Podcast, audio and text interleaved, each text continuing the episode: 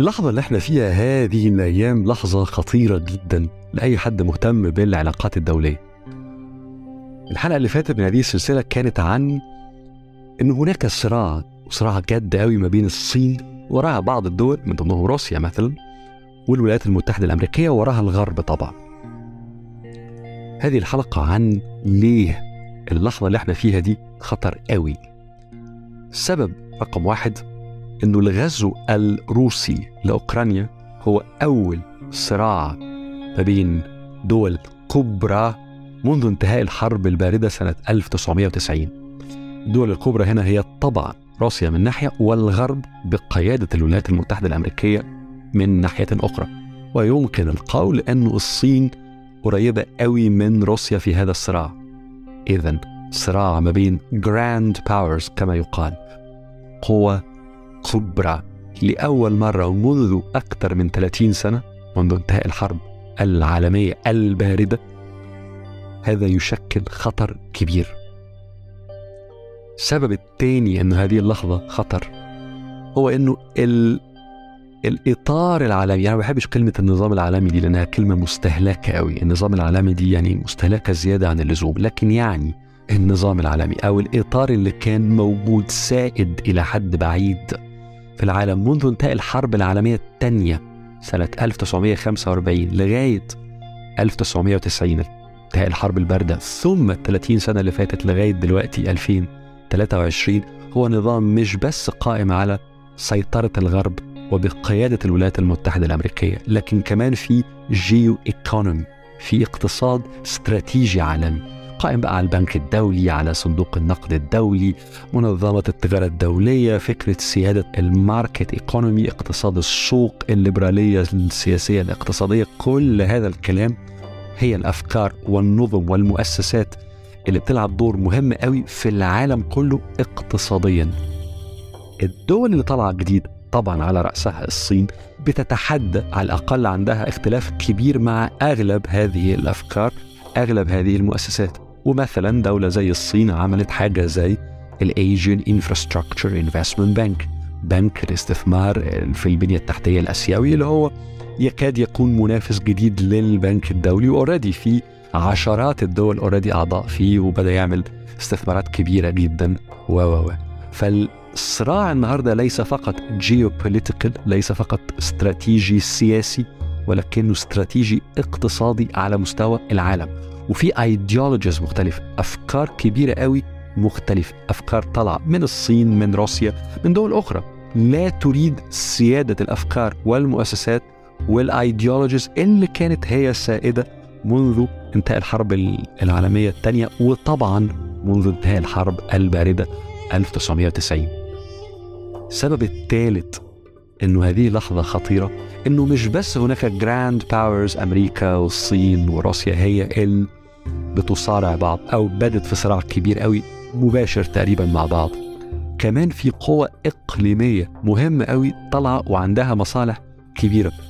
إيران جنوب أفريقيا البرازيل وطبعا الهند وغيرها يعني لكن دول اللي ظاهرين قوي.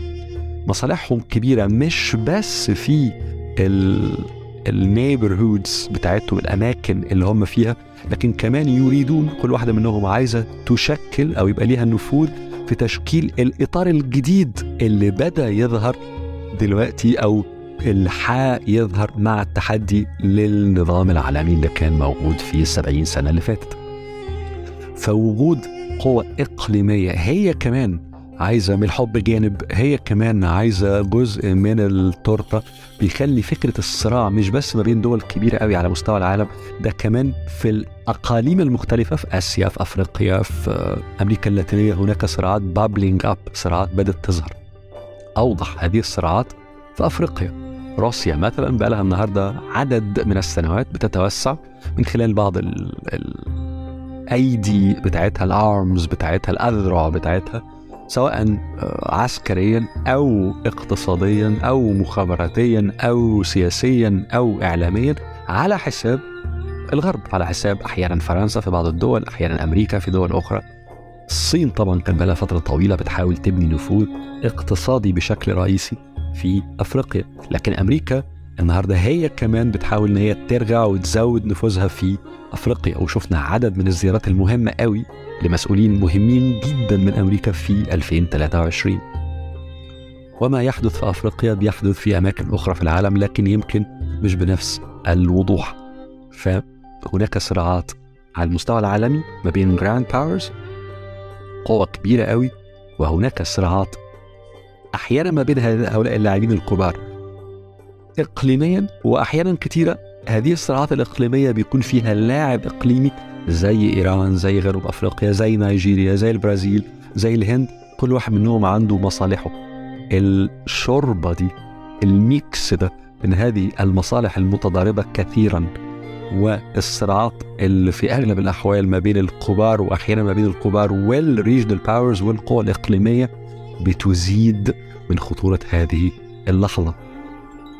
ضاع بقى فوق كل هذه النقاط إنه في نظام عالمي في أفق جديد في أفكار جديدة في حاجة جديدة بتتشكل أو بتظهر على السطح عشان تورث عشان تشيل تو ريبليس اللي كان موجود منذ نهاية الحرب الباردة 1990 اللي هو السيادة الأمريكية وكمان علشان تشيل أو تتحدى أو تقلل من نفوذ المؤسسات الكبيرة قوي الأفكار التقيلة قوي اللي سادت العالم أو كان لها نفوذ مهول منذ انتهاء الحرب العالمية الثانية.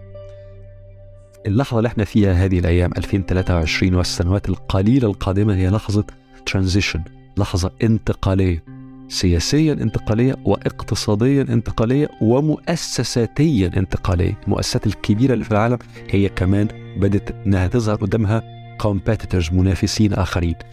دائما في لحظات الانتقال السياسي والاقتصادي على مستوى العالم هناك مخاطر.